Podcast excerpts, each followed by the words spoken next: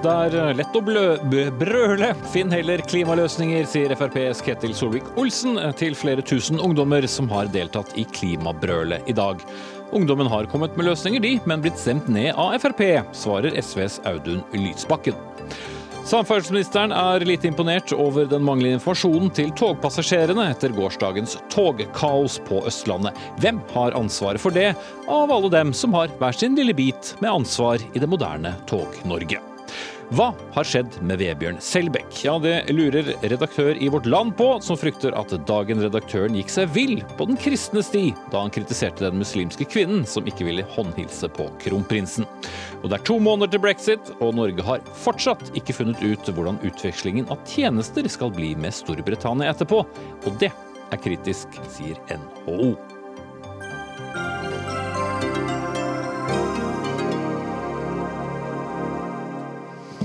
Ja, Vær hilset og velkommen til fredagens Dagsnytt 18 med Espen Aas. Mot slutten av sendingen skal vi også diskutere forslaget til ny eksamensordning. Og for ordens skyld, for dere som ser oss på fjernsyn, rett før 1850, nærmere bestemt 1848, forsvinner sendingen fra NRK2 til fordel for valgprogrammet Valgspillet, men du kan fortsatt se oss på nrk.no, eller høre sendingen på NRK P2. Og apropos høre. I dag har flere tusen ungdommer berørt for klimahandling flere steder i Norge. Det hørtes omtrent sånn ut.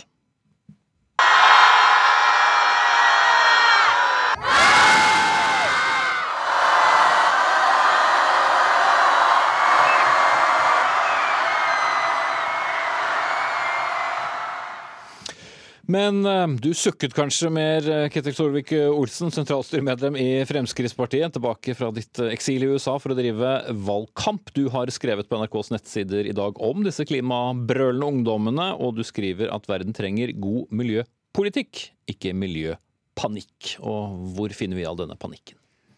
Jeg for det første si at jeg er glad for engasjementet. Og jeg tror vi alle er enige om at eh, god miljøpolitikk er viktig. Det, det er vel litt sånn hersketeknikk? Det er nei, koselig at du engasjerer deg? Nei, nei, det sier jeg fordi det er oppriktig. Jeg har sittet i energi- og miljøkomiteen i seks år i Stortinget. Jeg har jobbet mye for at vi skal finne gode løsninger.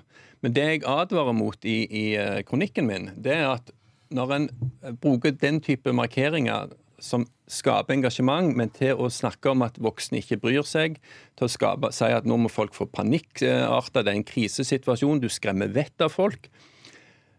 Det er ikke den type debatt som bringer dette videre. Det mangler ikke på engasjement om klimapolitikk i Stortinget. Det er ikke sånn at vi trenger å vekke politikerne der, for det har vært diskutert og noe det krangler om og prioritert i lang, lang tid. Det er masse tiltak som nå gjennomføres, som er med å redusere utslipp, noe på kort sikt, noe på lang sikt. Det vi må få en, en mer debatt om, det er jo å sørge for at vi fortsatt prioriterer de riktige tiltakene, at vi klarer å legge langsiktige løp. Mm, men da vil noen si at uh, ditt parti har bl.a. vært mye mer opptatt av at det skal være billigere å kjøre bil i store byer enn klimaet de siste ukene? Ja, Vi mener vi skal ha en balanse i det som skjer. Hvis du får sånn som i Oslo, et byråd som kun er opptatt av noen av transportgruppene og ikke helheten i det. Jo, da, ikke for å ta bompengedebatten, men nettopp det at debatten har jo ikke handlet så mye om klima, uh, f.eks. som du sier. Uh, mange har blitt frustrert fordi det handlet mer om bilkjøring.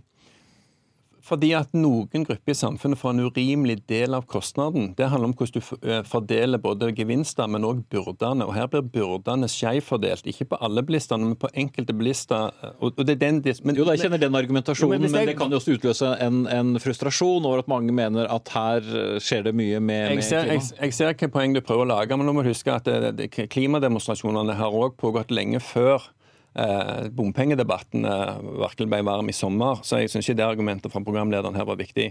Men fra, fra, fra, fra min tid som statsråd så så jeg at altså, vi har seksdobla bevilgningene til kollektivsatsing i byene. Når Oslo Bergen skryter av at nå kommer det nye busser, så er jo det primært fordi at statens bidrag i dette har økt. Og så har de i tillegg økt belastningen på bilistene gjennom bompenger. Når en ser på det som skjer på sykkelvei, så er det bra det i Oslo. Ja, altså Jeg sykler 5000 km i år. Jeg syns det er bra med gode sykkelveier, men det å få en balanse der du ikke presse ut alle de trafikantgruppene som er avhengig av gode veier. Så du bør heller følge med på hva dere gjør, og ikke stå og rope? Nei, det er bra. Altså, det, jeg har ikke noe imot Hvis de vil stå og rope, gjerne for det. Men det å si at dette må de fordi at de voksne ikke har brydd seg fram til nå, det blir helt feil. Vi ser jo at Min, min motdebattant, som jo nå kritiserer meg veldig, deres, har ikke gjort det ennå. Kan jeg ikke men, men, bare, men bare la meg ta argumentet. Altså, deres tiltak var jo å fylle byene med dieselbiler. Vårt tiltak har jo vært å fylle byene med elektriske busser. og Det er jo et mye bedre langsiktig tiltak enn det som andre har valgt. Mm. Audun Lysbakken, leder av eh, SV, med oss fra Trondheim. Du har vært med, med og ropt i dag, men eh, hva løste det?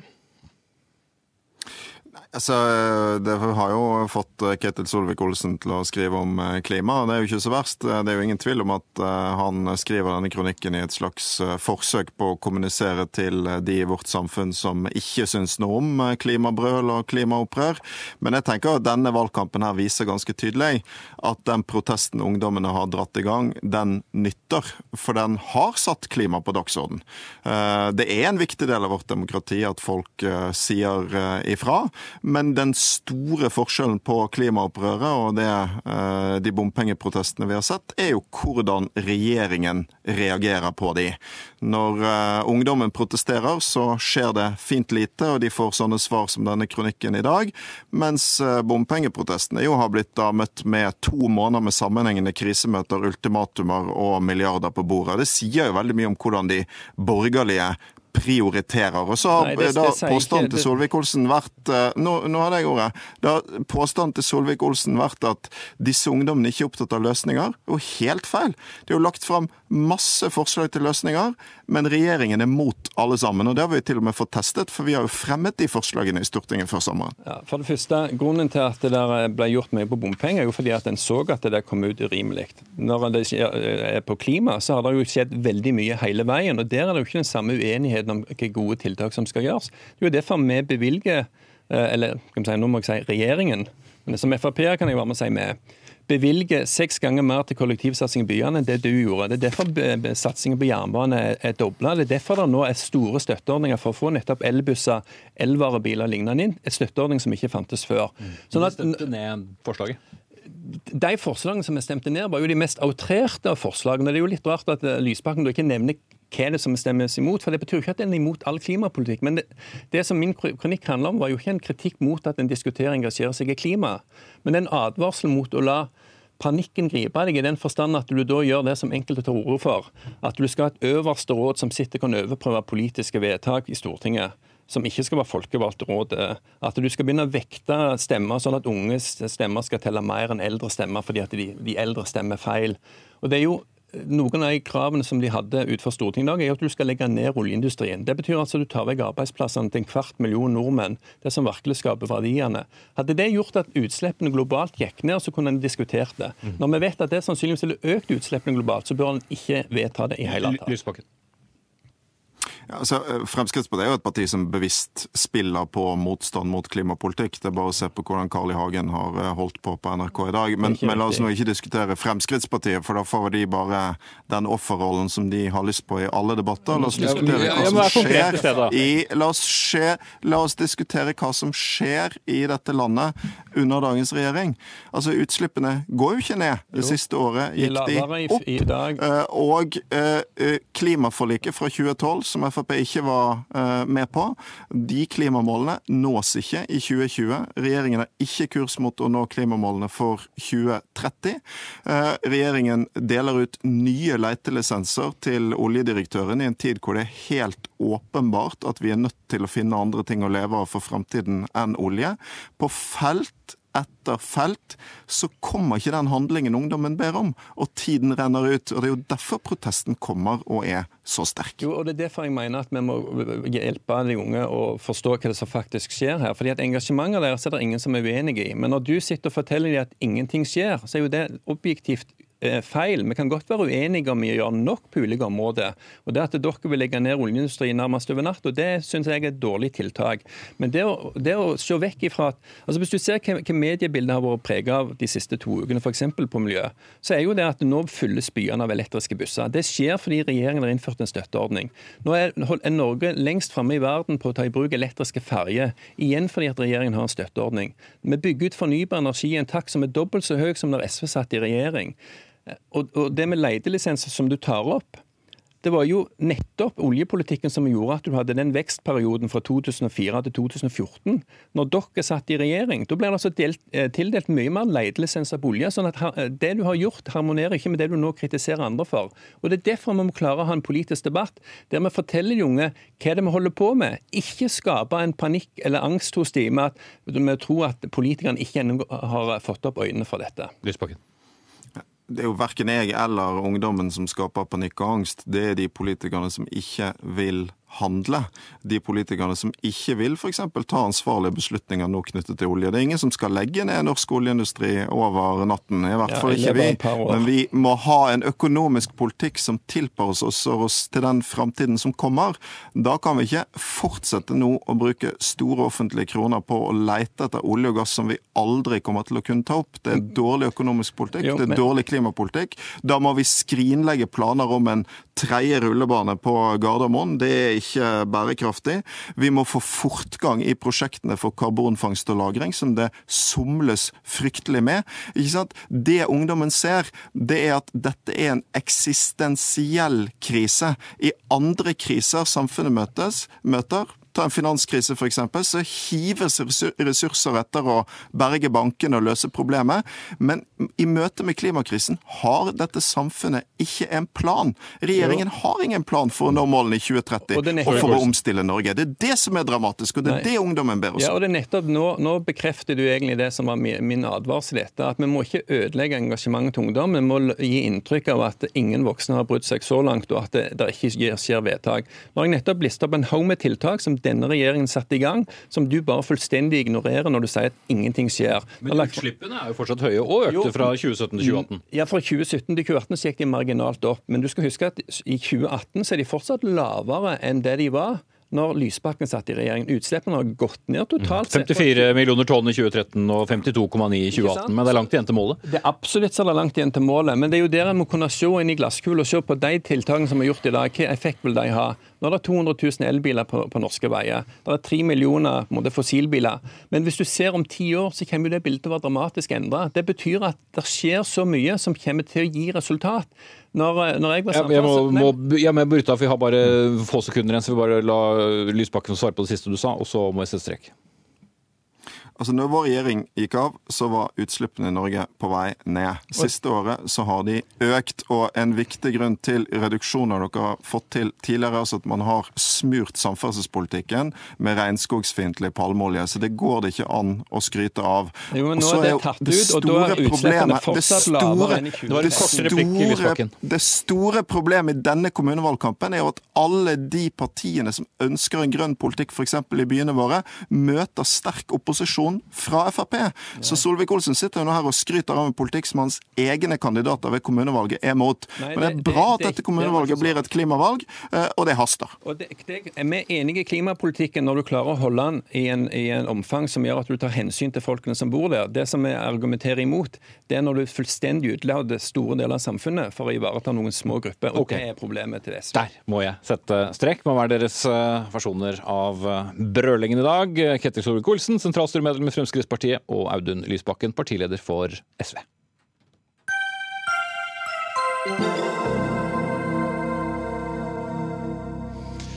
Da skal vi snakke om noe som du nevnte Solvik-Olsen jobbet mye med før. For det skal handle om jernbanen. Vedlikeholdsarbeid, signalfeil, kraftig regn og tordenvær. Det er noe av det norsk jernbane har hatt å slite med den siste tiden.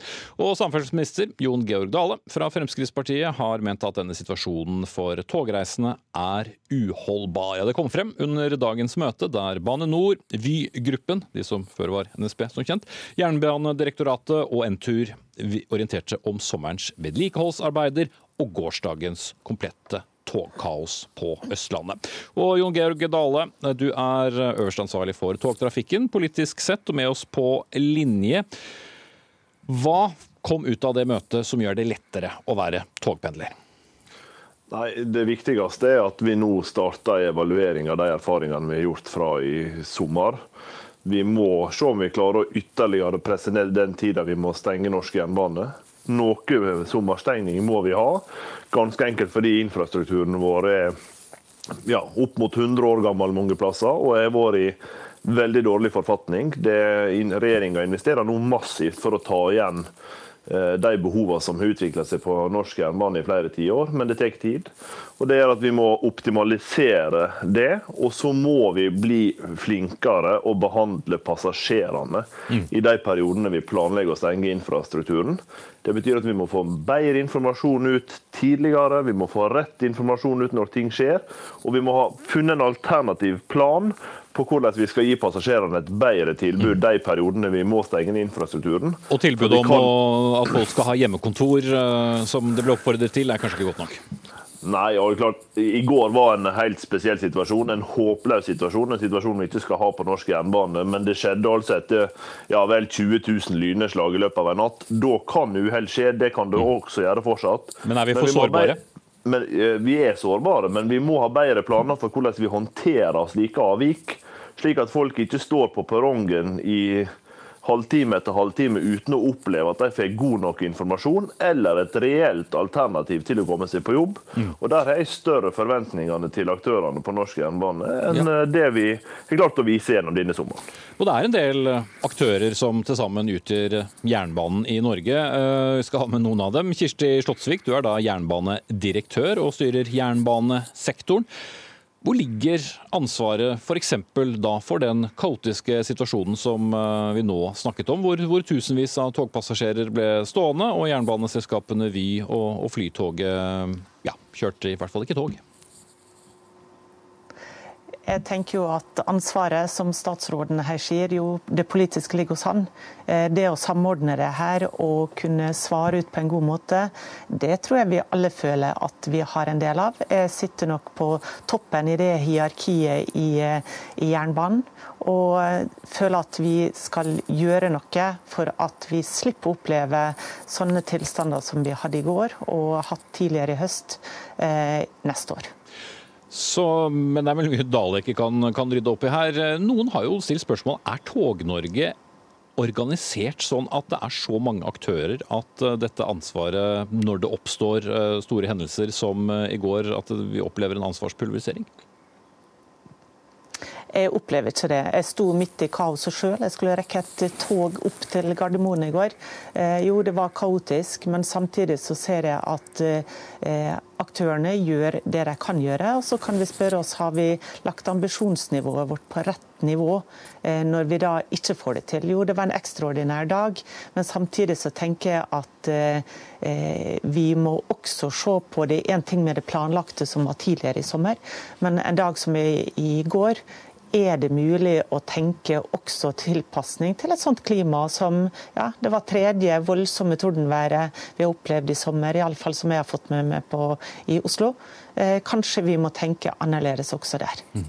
Gorm Frimannslund, du er da konsernsjef i Bane NOR, en annen del av det som utgjør jernbanen i Norge. Og jeg vet ikke om du følte deg som en slags pryggelknabe etter dagens uh, møte i dag, men uh, hvilken beskjed fikk du?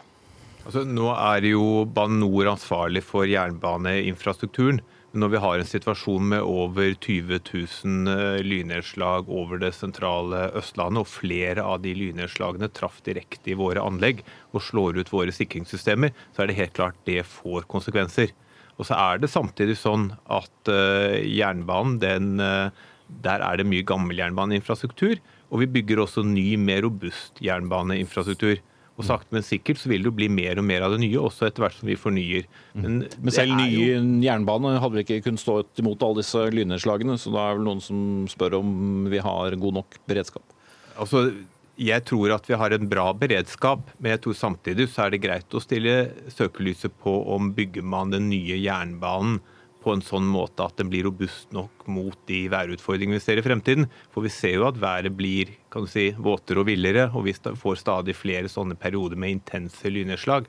Så det, det, er noe jeg imøtekommer og synes at vi, vi må se nærmere på. Ja, For svaret ditt er kanskje at vi ikke er helt forberedt? Jeg vil si at vi er forberedt på at eh, jernbanen blir slått ut av uh, lyn eksempelvis. Og vi har uh, personell som retter den typen skader som oppstår.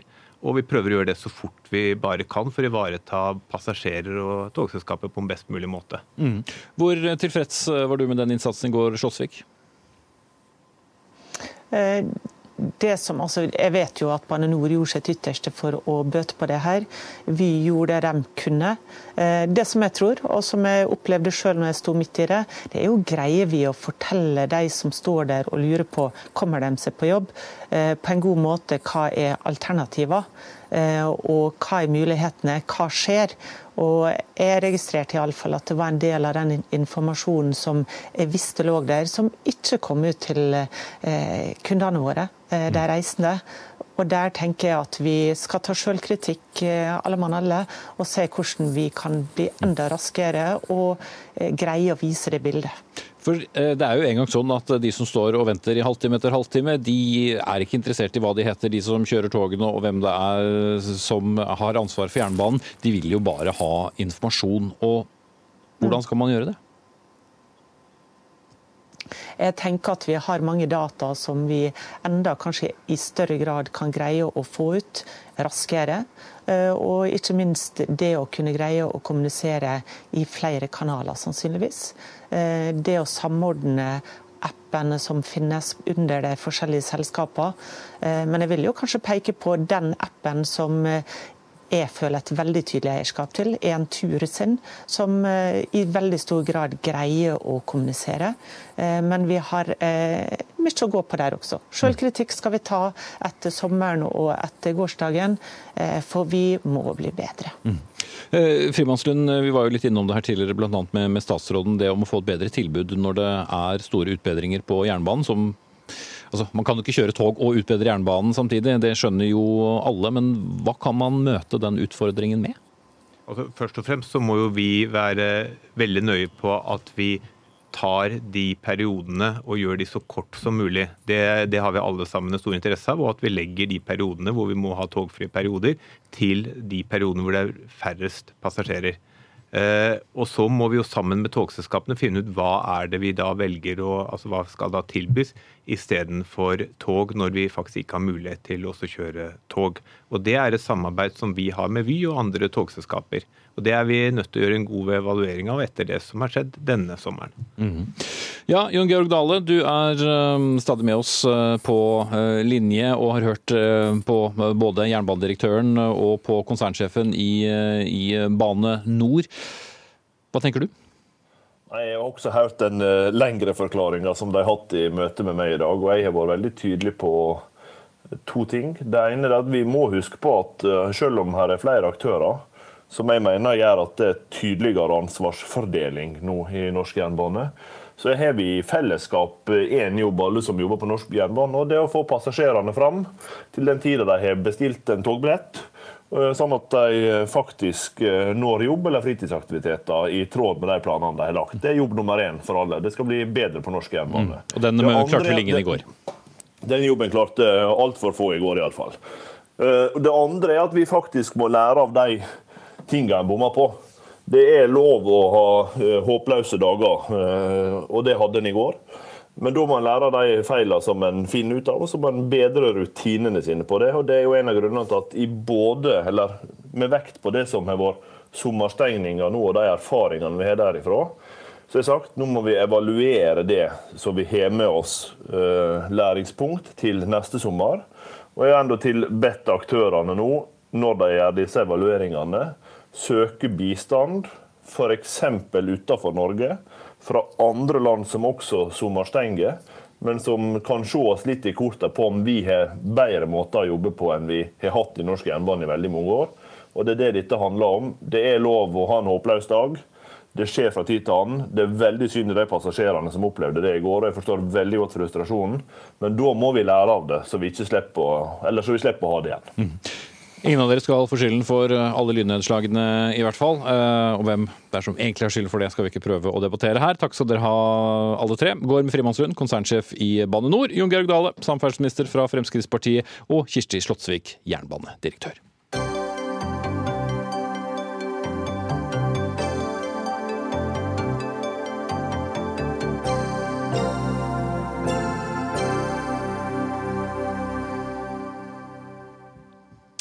Vebjørn Selbekk, jeg snakker til deg som kristen. Hva skjer med deg. Ja, Dette er ikke starten på en sjelesorgsamtale som jeg nå skal ha med nevnte person, men snarere et hjertesukk fra deg, Alf Jøsund, religions- og debattredaktør i Vårt Land.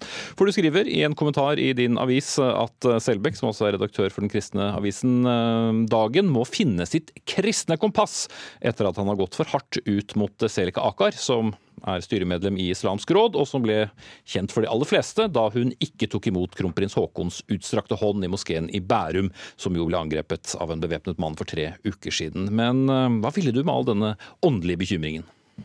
Vebjørn Selbekk er redaktør i en avis som formidler kristne verdier.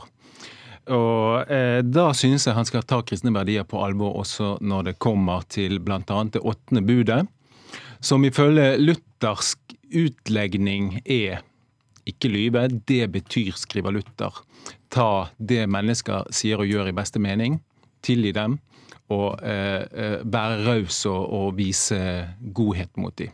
Og det gjør han ikke? Og, og da syns jeg eh, det er rart at Bebjørn Selbekk i møte med en minoritet i Norge som allerede er utsatt for eh, stigmatisering og mistenkeliggjøring i samfunnet, så driver Vebjørn Selbekk med den typen smålighet og mistenkeliggjøring og sånne slengbemerkninger og spark til stadighet. Det, det syns jeg han skal slutte med. Ja, du skrev jo da på Twitter Vebjørn eh, Selbekk, du er også i studio. Jeg mener det er respektløst når kronprins Haakon blir stående med hånden ut i løse luften fordi en kvinne nekter å håndhilse på ham fordi han er mann. Såpass aktelse bør man kunne vise vår kommende konge og statsoverhode. Uh, hva, hva ville du da? Tenne tennvæske på ulmende glør? Nei da. Det, det, vil jeg ikke. Jeg syns at eh, debatten om eh, håndhilsing er viktig. Eh, og det var jo samme uka så opplevde vi også at Irans eh, utenriksminister besøkte Stortinget, og faktisk også vår statsminister, og nekta å, å hilse på, på, vår kvinnelige statsminister og på fremtredende kvinnelige politikere i Norge. Og Det syns jeg er eh, respektløst, begge deler. Og jeg syns det er en interessant debatt. Det er jo også sånn at I Oslo-skolen så får man jo ikke jobb dersom man ikke vil hilse på Eh, begge kjønn. Så dette handler ikke om å, om å henge ut noen eller, eller, eh, som du skriver, eh, kaste noe tennvæske på glør, ulmende glør eller noe sånt. Dette handler om en helt vanlig interessant debatt som det er veldig kjent at jeg er opptatt av, og det følte jeg at, at, ble, at den ble løfta. Men samtidig, jeg vil få lov å si det da, jeg skal gi en Alf Jøsund et lite, litt rett òg. For det er klart at jeg jeg ser det at uh, under den Twitter-meldinga mi, så, så, koker det på en måte som jeg også syns er ubehagelig. Så det er klart at når det kommer rasistiske bemerkninger og sånne ting, så, så, må man ta det på det største alvor. Og jeg kunne kanskje ha vært noe mer forsiktig der. Men debatten syns jeg er viktig. Mm. Men du angrer ikke på, på meldingen, men du blir brukt hva er det man sier om dagen? Brukt andre ord? Ja, jeg ville ikke akkurat ha sagt det sånn. ikke man sier. Ja. Eh, men eh, nei, i det store og hele så, så syns jeg i hvert fall at det, det, er viktig å løfte disse spørsmålene. Vi har alle et ansvar for, for hvordan vi gjør det. Mm. Men du skrev at han eh, mistenkeliggjorde andre menneskers hensikter? Ja, jeg syns det er rart at Bjørn Selbekk ble overrasket over at det kom det han selv kalte brunt grums i kjølvannet av de meldingene han sendte. Dette er jo ikke den første gangen han har fått brunt grums etter kommentarene har kommet. Og dette her er jo etter min mening slett ikke det verste eksempelet på det som jeg snakker om. Men han gjør det bevisst? Om han gjør det bevisst? Nei. altså Bjørn Selbekk er jo en som eh, har veldig lett for å uttrykke seg når han mener noe. Jeg tror ikke han mener og ønsker å stigmatisere noen. Men det han skal huske på er at han uttaler seg ikke bare til en, et slags segment i befolkningen eller en minoritet. Det er enkeltmennesker bak som leser disse tingene. Og i Vårt Land hadde vi på tirsdag en sterk reportasje, intervju med barn og unge, som opplever at de er redde. De opplever at de blir såret av nettopp det klimaet som er i samfunnet vårt, der noen utsetter de for eh, grove anklager, og andre får mye generell kjiphet. Og de opplever seg uønsket i samfunnet. Det er ikke lett for barn å vokse opp under sånne forhold. og Der har vi som er kristne, et helt spesielt ansvar. Ja, og Der har du, som du eh, veldig godt vet, Alf Jøsund, så har du en alliert i meg der som står skulder ved skulder eh, med deg. Betyr det at du skal slutte med sånne meldinger nei, som du, kommer med? For du har jo gjort men, det mange ganger før. Jo, jo, men, jo, men hør her. Det er en stor forskjell på islamkritikk som er livsviktig, og muslimhat, som er livsfarlig. Og det vet du, Alf Jøsund, at den, det skillet der, det trekker jeg opp hver gang jeg snakker. Eh, og det er veldig, veldig viktig for meg. Og, og jeg kjemper imot dette her, og det, vet- det vet du jo. Men, Men, men du sier det er mange eksempler, du, Jøsund. Ja, kan jeg få gi noen eksempler på Bare- bare eh, Den er veldig kort. For eksempel eh, det var en psykotisk mann som knivstakk en kvinne på en Kiwi-butikk i Oslo. Og han var muslim. Vebjørn Selbecks kommentar på Facebook. Dess større innflytelse islam får, jo verre blir hatet, undertrykkelse og volden. Det var en sak der danske rasister demonstrerte ved å pakke en koran inn i bacon og kaste den rundt i gatene og synge eh, de skal ikke integreres, de skal ikke integreres, de skal returneres. Og så ble det håndgemeng. Vebjørn Selbecks kommentar på Facebook var var det noen som sa fredens religion? Og det var ikke rettet mot religion til de som eh, Ok, skal få svare på det, Selbekk. Ja, Altså, jeg, jeg, jeg, vet ikke hvordan, eh, hvor dette her er fra, men du vet, jeg tar av Jo, men du eh, at Du mener at du ikke har skrevet det? Nei, altså at jeg har støtta eh, disse danskene som, eh, som eh, Nei, pakker, du Du angrep pakker Koranen. muslimene. Nei, vet du hva, eh, jeg støtter ikke det. Jeg, jeg, jeg liker ikke eh, denne typen. Ja, da- avstand fra all rasisme. Det kan jo ikke, det kan jo ikke være noe overraskelse for deg, det, er Alf Jøsund, at jeg gjør det. Da vil jeg stille et jeg- men jeg- spørsmål. men jeg du mener- men du- men- du, du- må la- la meg- snakke. En, en av gangen, ellers så blir folk gale i, foran skjermen. La meg, snakke, la meg snakke ferdig nå. Det som er forskjellen på meg og deg Vi står helt sammen om kampen mot rasisme og muslimhat. Det som jeg kanskje legger litt mer vekt på, det er at religionen islam også må kunne kritiseres i et fritt samfunn. Og, og jeg sier ikke at altså når, du, når man da eh, mener at det er viktig med ytringsfrihet, viktig å også kritisere islam, akkurat som alle andre religioner og, og ideologier skal kritiseres, så skjønner jeg jo det. At det er et minefelt man beveger seg i. Og at, og at noen vil ta det til inntekt for muslimhat. Men da skal de vite det at jeg, i hvert fall, selv om jeg kritiserer islam, står imot alt som heter er hat mot alle mennesker, inkludert muslimer. jeg, jeg er religionsredaktør i Vårt Land, og Vårt Land har rikelig med islamkritikk. Og den kommer svært ofte fra muslimer selv, og da er han ofte mer presis også enn den type meldinger som jeg viste til her. Eh, noe helt annet er hvis man eh, eh, hvis man bruker en religion og gir en religion skylden for det som enkeltpersoner gjør. Og vi må huske på det. Jeg sier, sammenligner ikke Vebjørn Selbekk med en antisemitt, men vi må huske på det at også når det gjelder antisemittisme, så ble den rettet mot religion, jødedommen. Sam- ikke, bruker det samme jødene som folk.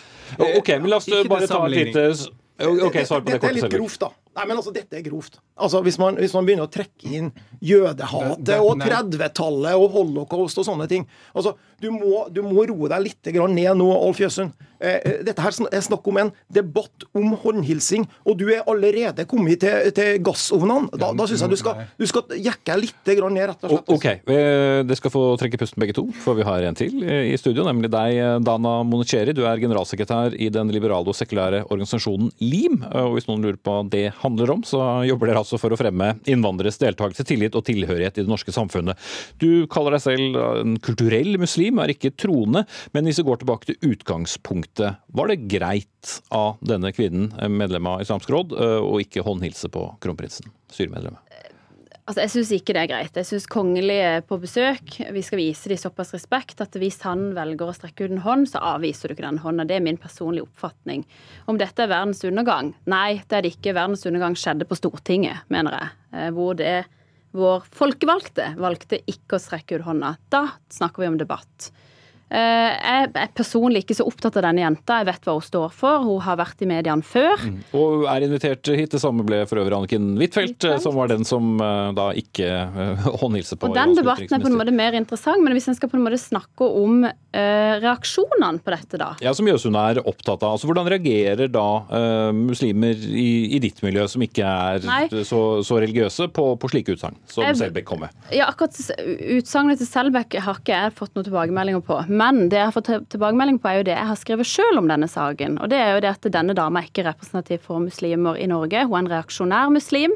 Og det hun gjør med den oppførselen sin, er å lage et stort gap mellom liberale muslimer i Norge, som vi så gjerne vil ivareta og ha som en del av vårt samfunn, og de reaksjonære. Og det skaper en ufattelig kvalmende debatt som handler om en person, og alle da tenker at hun er liksom kroneksempel på en muslim i Norge. Mm. Og du representerer da kanskje på mange måter det motsatte av, av henne?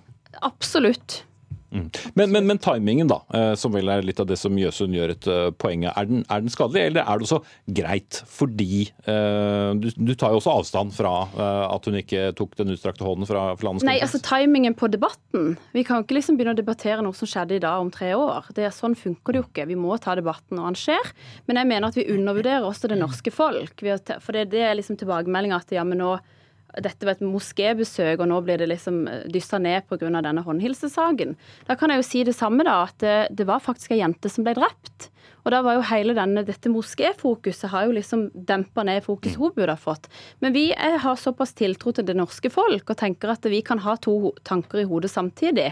At ja, vi, vi, skal ha respekt for at en moské ble skutt, vi skal fordømme det og vi skal ta avstand fra denne terroristen.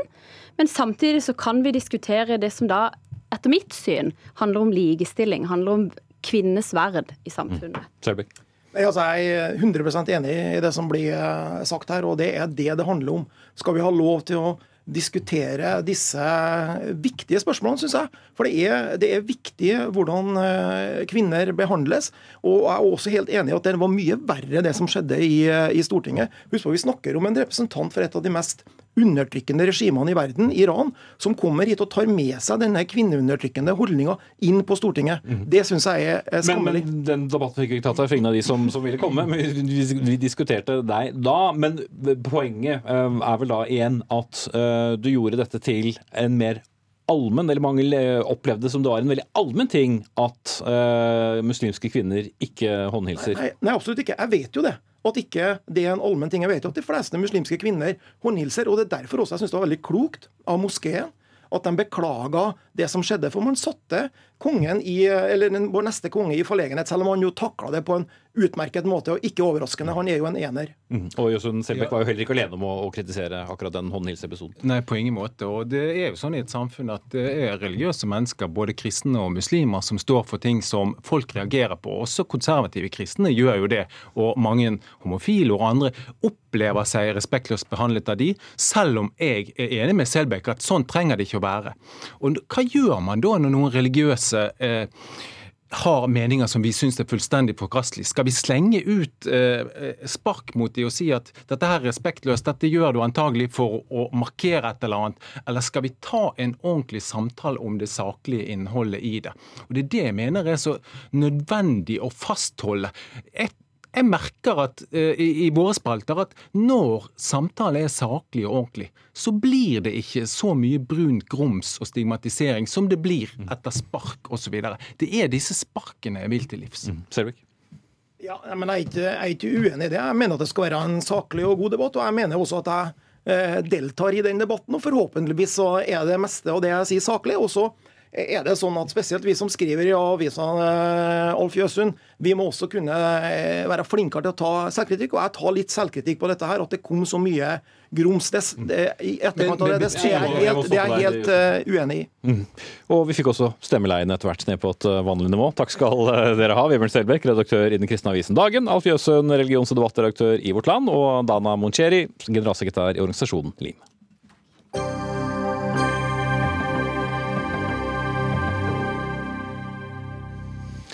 Når vi kommer mot slutten av sendingen, skal vi diskutere forslag til ny eksamensordning. Men eh, akkurat nå skal vi snakke om at det er eh, to måneder og én dag igjen før britene etter egne planer skal være ute av EU da er det en brexit. Men det har ikke kommet på plass noen avtale om utveksling av tjenester mellom Norge og Storbritannia når denne utmeldingen er et faktum.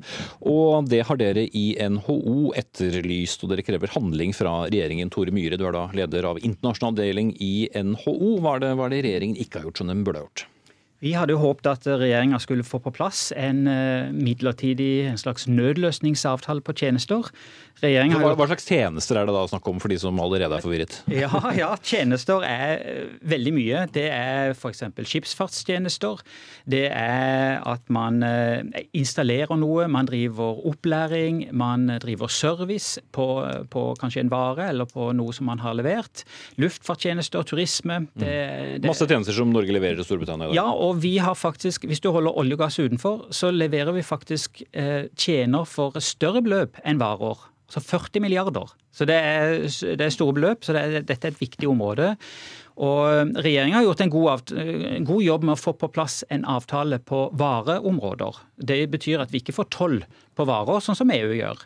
Men, eh, og vi vet jo at regjeringa prøvde å få til en avtale og hadde en dialog med britene i vår, eh, men har da ikke lykkes å få en tilsvarende avtale på tjenester. Og nå nærmer vi oss med stormskritt, og da er det blitt mer akutt. Og Derfor er vi veldig bekymra for akkurat dette området. Hanna Someyatic, du er da statssekretær i Næringsdepartementet fra partiet Høyre. og Hvorfor får vi ikke til en sånn avtale som eh, NHO etterlyser for så store beløp? Altså, det, først skal det jo sies at det er veldig lett å være enig med NHO eh, i at dette er veldig viktig for norske bedrifter, og at noe av det viktigste for dem nettopp er stabile rammevilkår hvis de skal kunne skape arbeidsplasser her hjemme.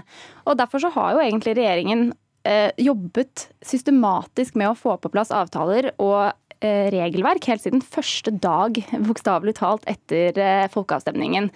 Og så har vi jo forberedt oss på to forskjellige scenarioer. Det ene er jo at eh, Storbritannia forlater EU uten en avtale.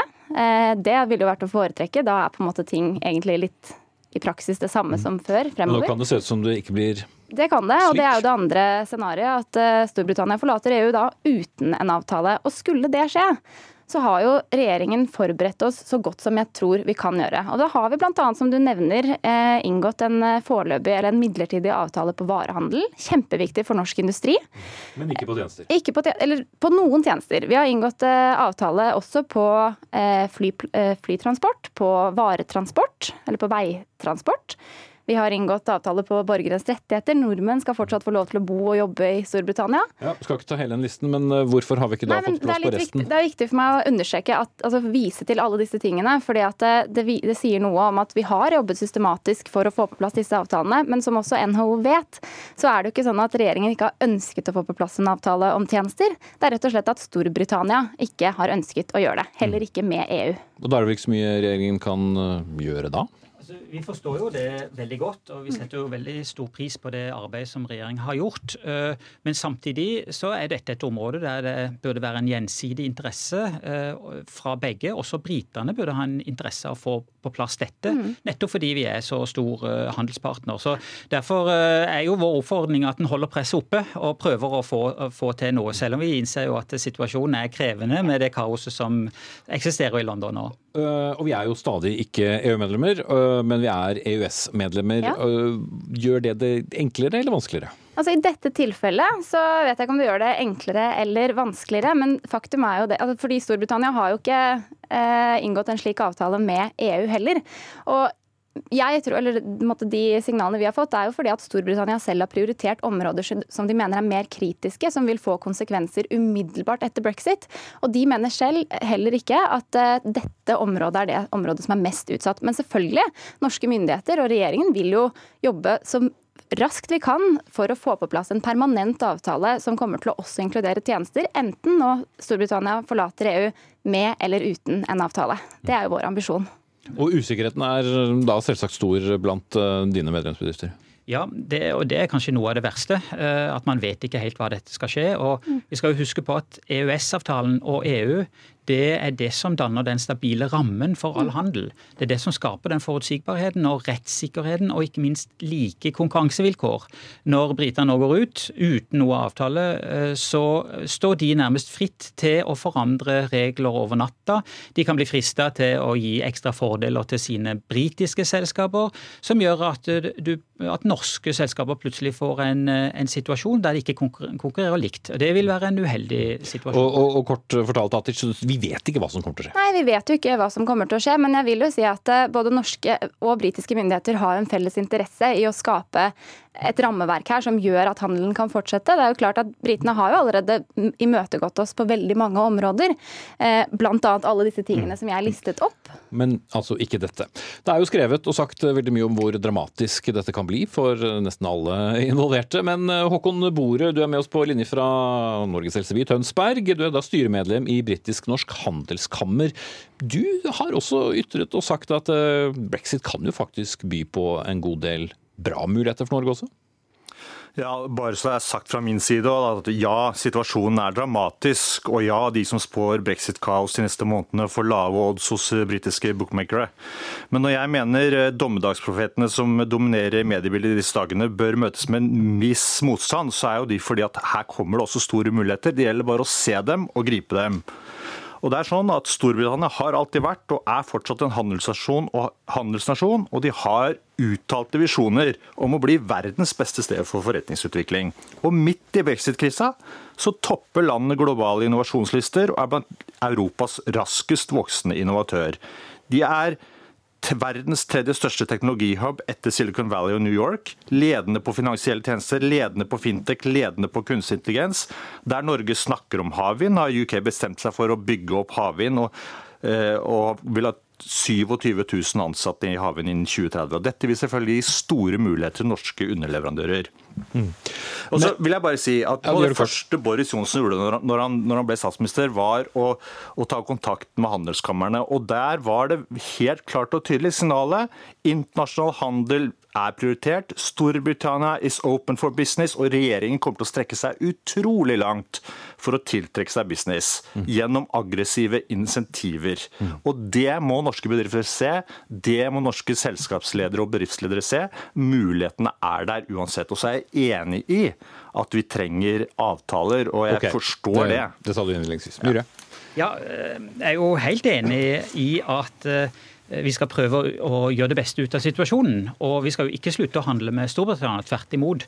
Eh, britene er det viktigste handelspartneren vi har. Vi har tette, gode økonomiske, politiske, historiske forhold.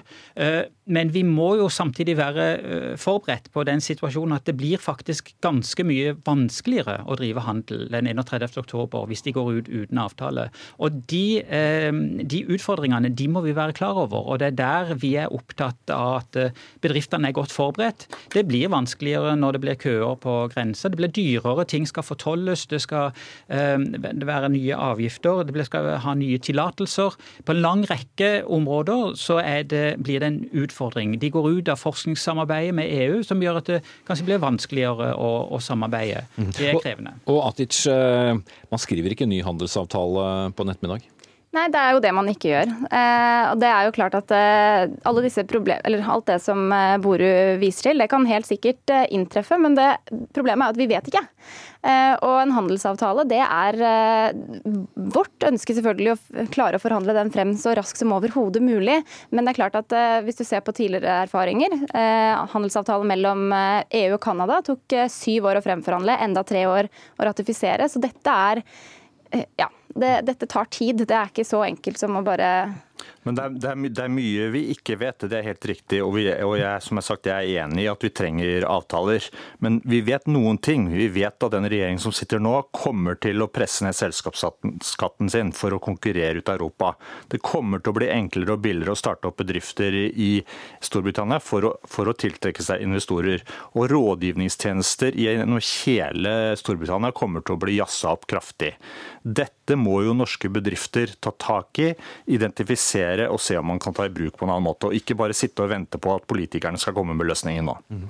La politikeren få siste svar. Ja. Ja, bare, jeg, bare si at jeg opplever ikke at eh, norsk næringsliv sitter og venter på at politikerne skal komme med en løsning. Snarere tvert imot. Jeg opplever at næringslivet er aktive, at de forbereder seg. og Det er nok mitt budskap til dem også. Det er viktig at næringslivet selv engasjerer seg, finner ut av hva vil det si for min bedrift når brexit inntreffer.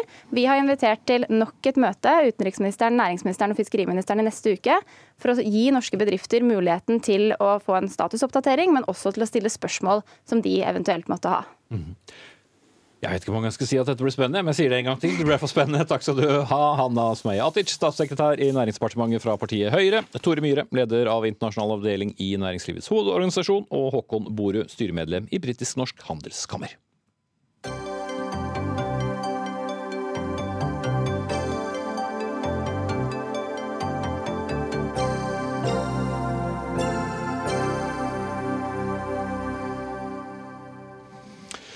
Så skal vi runde av denne sendingen med å snakke om eksamensordningen på videregående, som skal forandres. Det er sendt ut mange forslag på høring. Et av dem er fjerning av det som vi gjerne omtaler som trekkordningen, altså at 20 av eh, elevene trekkes ut og må gå opp til skriftlig eksamen. Og et av forslagene er i stedet at elevene selv skal kunne få velge hvilket fag de vil ha eksamen i. Og hva syns dere i Norsk Lektorlag om dette da, leder Rita Helgesen? Nå er det sånn at Jeg har sittet i en eksamensgruppe som da skal gi råd til hva slags eh, ordning som skal være med nye læreplaner i det som heter fagfornyelsen. Og eh, i den eksamensgruppa så har det kommet mange bra forslag. Det har jeg lyst til å si innledningsvis. Mm. Vi har den tiden vi har, så jeg vil gjerne at vi går på Den tror vi at istedenfor å avvikle trekkordningen, så ønsker vi å forbedre den og utvikle den. Så den bør beholdes som i dag, med ja. at 20 Men, må ta Nei, ikke nødvendigvis. Jeg tror i, alle elever kommer opp til eksamen i løpet av tre år på videregående. Men i første klasse så er det bare 20% som trekkes ut. I andre klasse og i tredje klasse så trekkes alle elever ut. Mm. Så det er ikke fullt så enkelt. Eh, jeg hadde en fortvilt far som satt i dette studio for eh, noen uker siden, som hadde en sønn som, kom, som hadde gode karakterer, men kom opp i det ene faget som han ikke var noe flink i, og ser for seg da en eh, litt kjip framtid. Nå har jeg ikke sjekket opp hvordan det der gikk, men det er jo det veldig mange elever opplever som urettferdig. Ja, nå er det sånn at 80% av karakterene det er standpunkt.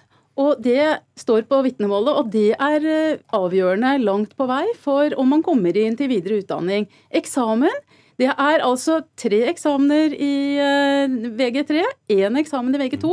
Videregående skole, tre, ja, år tre og to der, for de ja, som har glemt det. Ja, sorry. det er altså ikke så mange karakterer på vitnemålet dette gjelder. Mm. Hovedvekten på vitnemålet det er faktisk det eleven gjør gjennom hele skoleløpet og får i standpunktkarakter. Men Alida De Lange Dagostino, du er da leder av Elevorganisasjonen i Norge og representerer da elevene. Dere ville helst valgt eksamen selv, eller? Eh, ja, Faktisk. Vi sitter jo i dette eksamensutvalget, så vi, eh, vi, stiller oss bak eh, de forslagene som har kommet. Vi mener jo at vi i dag har et trekksystem som eh, gambler med elevenes fremtid, for å si det mildt. Hvis du har flaks, så kommer du opp i et fag som du mestrer, og da påvirker det vitnemålet til det bedre. Men hvis du har uflaks, så kan det hende du kommer opp i et fag du ikke mestrer. Men er det da riktig at man skal velge akkurat det faget som man er veldig god i? Ja, for da får man muligheten til å vise hva man faktisk kan i det faget, da. Og det er jo hele målet med eksamen, at man skal eh, kunne vise hva man kan. At man skal mm. eh, at, ja. ja. Motivasjonen for å stå på da i de andre fagene, når du ikke lenger kan bli trukket ut til å komme opp i si matte, da, som kanskje ikke er eh, favorittfag eller naturfag, eller hva vet jeg. Ja, altså det, eh, Jeg vet jo at Rita her bruker det som et argument at eh, man skal ha denne trekkordningen for å ha liksom kontroll, da. Men eh, vi har jo tross alt standpunktkarakterer, som, som, du sier. Så det er jo, vi har jo allerede en ytre motivasjonsfaktor for å jobbe jevnt og trutt i de andre fagene. Derfor syns vi det er så rart med denne trekkordningen, og vi vil jo helst se den fjernet. Helgesen. Ja, jeg tror jo det at hvis elevene selv skal velge, så tror jeg det gi, kan gi uheldige utslag, da. At da vil noen fag eh, bli lite valgt, fordi at man kanskje tror at man ikke kan få så god karakter. Og andre fag vil bli mye valgt. Og så er det jo sånn at alle fag er viktige, og alle fag er avgjørende også for eh, det du skal eh, gjøre i senere utdanning, i arbeidslivet, og at det ikke skal være sånn at elevenes lyster og interesser skal være det eneste som styrer hvor, hvor vi dobbeltsjekker og kvalitetssjekker. Gjør vi det for enkelt eh, med det som Elevorganisasjonen? Ja, jeg tror det er stygt redd for det. Og så er det sånn at elevene allerede nå velger på videregående hvilke fag de skal komme opp i, fordi at de velger tre fag både på, i andre klasse og i tredje klasse. Kort på det, Dagostino. Ja, de aller fleste fagene er jo fellesfag, og det vi har lyst til er jo at elevene skal kunne velge å komme opp i eksamen i de fagene som de vet at de mestrer. Sånn at, altså, Vitnemålet har så utrolig mye å si for hva du gjør seinere. Hvis det går dårlig på en eksamen, så kan alt det arbeidet du har gjort, det kan gå i vasken. Og i ytterste konsekvens bety at du ikke kommer deg inn på drømmestudiet ditt. Mm. Hvem sa livet var rettferdig? Steffen Handal, leder av Utdanningsforbundet. Hva sier du? Nei, Jeg tror faktisk at dagens ordning har svakheter. Det sier dette utvalget. Det har SSB pekt på tidligere. Og da er det sånn at eksamensordningen er så viktig for elevenes fremtid at vi er nødt til å opptre kunnskapsbasert. Og det har utvalget gjort, og de anbefaler at man utreder eh, nye ordninger for trekk, trekksystemet. Og det kan man gjøre på bakgrunn av ulike parametere. Jeg tror ikke at vi vil gå inn for det som Elevorganisasjonen er inne på, nemlig at elevene skal få velge eh, selv hvilke eksamener. Hvorfor ikke det? Fordi at vi kan risikere at vi ikke får, uh, får, et system som gir eleven muligheten til å vise sin kompetanse i flere fag, og at vi ikke får et system som kvalitetssikrer det at skolen skal sertifisere for fremtiden. Men det som er poenget her, er at det går an å kombinere ulike trekkordninger med elementer av elevenes valg. Okay, så du har en tredje løsning? Ja, og, og det finnes også et annet poeng. At man kan se på ulike typer av fag, og hvordan eleven dermed kan trekkes opp i ulike typer fag, og vist fram en bredde i kompetansen. Poenget er at her er det mange prinsipper, og det er mulig å se at dagens ordning har svakheter. Da mener vi at vi med et kunnskapsgrunnlag skal utrede nye muligheter og nye ordninger, og så gjøre, oss opp eh, en ordning, eller vår mening, om hva vi skal velge. Det er synd å sette foten ned for okay. det nå. D'Agostino. Ja, eh, Vi tror at dette vil fjerne dette overraskelsesmomentet, og at vi da eh, ved å gjøre dette viser tillit til at elevene kan ta gode vurderinger sjøl, og gi de muligheten til å vise at de kan være den beste versjonen av eh, seg sjøl. Man kan jo også argumentere for at det er myndiggjørende å gi fag og dato i forveien, altså at man får velge det. Fordi eh, det gjør at elevene må ta ansvar for egen læring og planlegge tiden fremover hvordan, altså hvilke mål de har lyst til å nå med eksamen. da. Eh, og eksamen er jo allerede skummelt, så ta vekk dette eh, det tror jeg vil være veldig bra. Det er et, det er et annet moment her, og, det, og jeg syns egentlig, eh, egentlig at Helgesen har pekt på det veldig godt, at eh, vi bør ha et element av kontroll. Og, og, det bør også Jeg tror jeg elevene anerkjenne at det behovet er der. Eh, men det er uheldig hvis det alene skal prege ordningen. Jeg, jeg tror våre, eh, altså De som er lektorer i Utdanningsforbundet, de er redd for at vi skal komme til en ordning der hvor politisk nivå alene sier ja, det er denne ordningen vi mener er god. Og Det kan gjøre at en del kvier seg for å utrede modeller. Vi er nødt til å finne fram til en modell som har legitimitet i lærerprofesjonen, og vi er nødt til å ha en ordning som har legitimitet i samfunnet rundt. Og helst at elevene opplever den som rettferdig.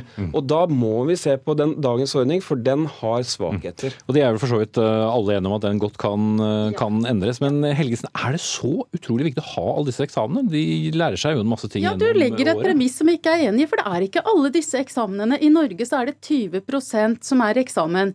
I mange andre land rundt oss så er det 50% som er eksamen.